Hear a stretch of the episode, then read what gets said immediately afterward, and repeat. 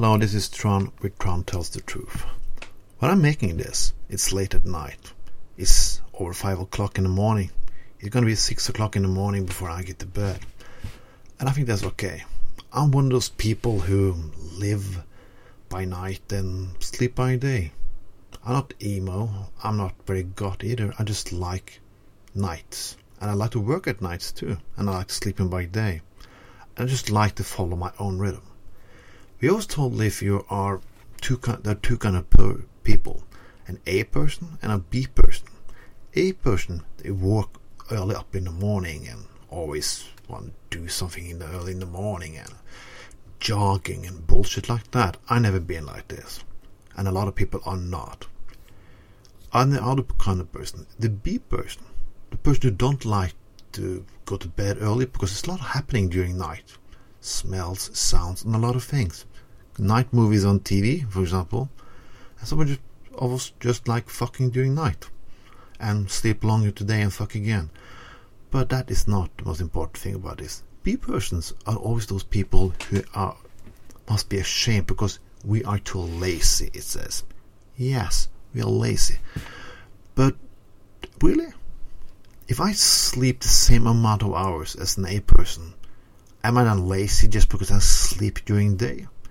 We have to change the society a little bit because the society is always one fit for all. We don't like people are different. We don't like diversity. That's why we can't stand the B person and the A person is always the best. But that comes to a lot of other things too in society. We want one. It took a long time before we accepted gay people and black people people don't still accept Jews. We don't like diversity.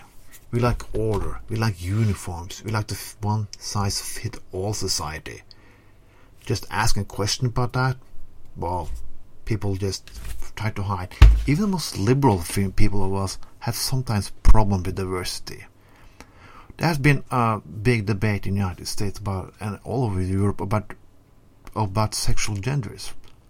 I don't even have I thought it was just gay, straight, bisexual, but even that is not anymore. It's pansexual, it's oh, everything sexual.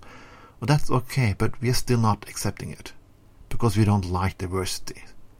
We don't like women who has a penis, or we don't like people in drag. We don't accept men like wearing women's clothes, and we don't accept anything really. People who think diversity, almost liberal was don't like diversity.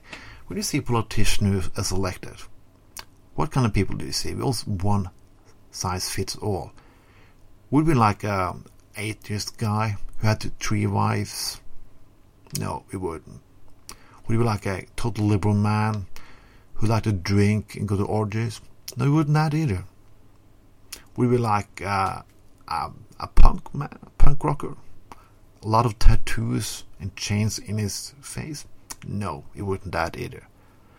There's a lot of things we wouldn't like to have, because when it comes to society, it's okay. When it comes to politicians, it's another. We just have to open our minds. Even the most liberal people of, of us have to open our minds and like diversity, like difference. Learn to live that people don't live up to your standards living a conservative life also is a way of choice you should respect. Well, why not? Well, that was me for all. I'm gonna not sleep. We wait for many hours more. And when you listen to this, maybe in the afternoon, 3 o'clock, I'm maybe awake. Serve myself a breakfast. Have a good day. This was Trond, but Trond tells the truth.